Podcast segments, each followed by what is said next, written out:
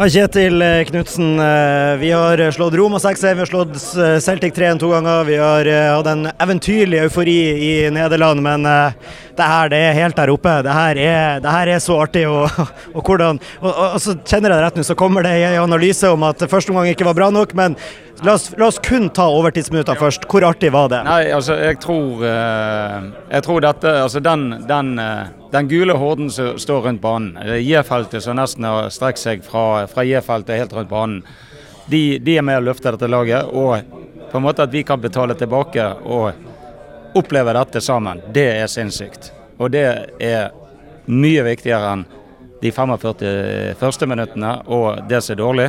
For det var faktisk den kraften med at det kommer òg friske spillere inn som komplementerer noe i dette laget. Det var sinnssykt. Og det var går folk hjem med et stort smil rundt munnen og kanskje litt hes, sånn som du er. Absolutt. Og ikke minst da, at uh, Ulrik Saltnes vært uteskada, uh, vært uheldig og som har forlenga den skadeperioden sin.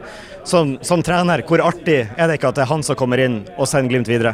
Jo, det er så det står skrevet i stjernene. og Eh, når du trekker og ønsker å vinne jackpoten, så får du alt på en gang. Det er litt sånn det er. Eh, og så er det ikke helt tilfeldig at det er han, for han har en smartness, en nese for mål. og at han klarte å holde roen der, er helt fantastisk. Og jeg unner han det så vanvittig, for det at det har vært en lang, tung reise for han. åtte måneder ut. og han er så viktig for vår identitet. måten vi har bygget vår kultur på på utenfor banen. Så det er en sånn inspirasjon for han, og det er en inspirasjon for oss. Eh, vi føler jo Vi får jo spørsmål om spillerlogistikk. Ja, vi får jo Ulrik Saltnes tilbake. Det er jo fantastisk. Absolutt. Eh, vi må snakke litt om de tre byttene der også. Eh, først og fremst da, så skjer det jo noe som man ikke ønsker rett før de tre kommer inn der med Ulrik eh, og Nino spesielt. Da trekker vi jo frem de to etter kampen. da. Eh, vil, hvordan anser du, eller hvordan vil du si at det er da, når de står klar, det, det er 0-1, de skal komme inn og snu det her, og så får de 0-2 rett før de entrer banen.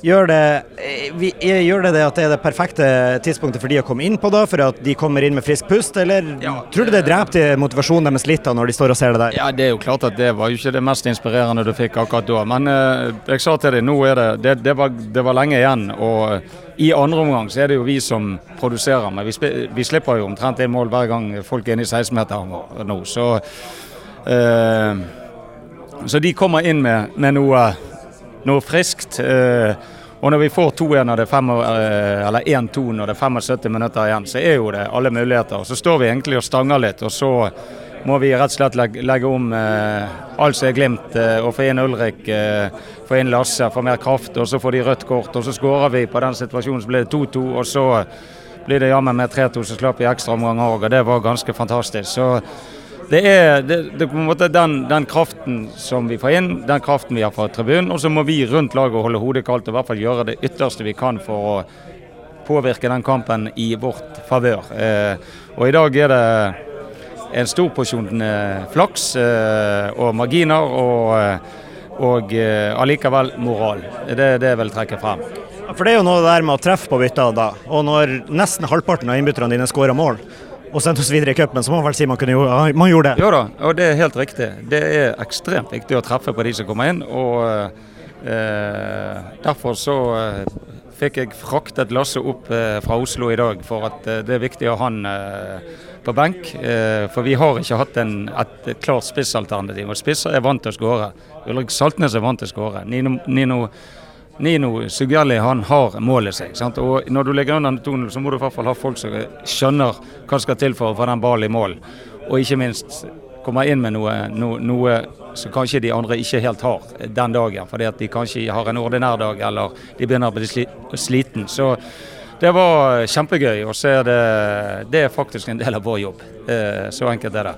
Det ble iallfall en suksess. Nord-Norge fortsatt gul. Gratulerer med mange, Kjetil. Det var godt oppsummert.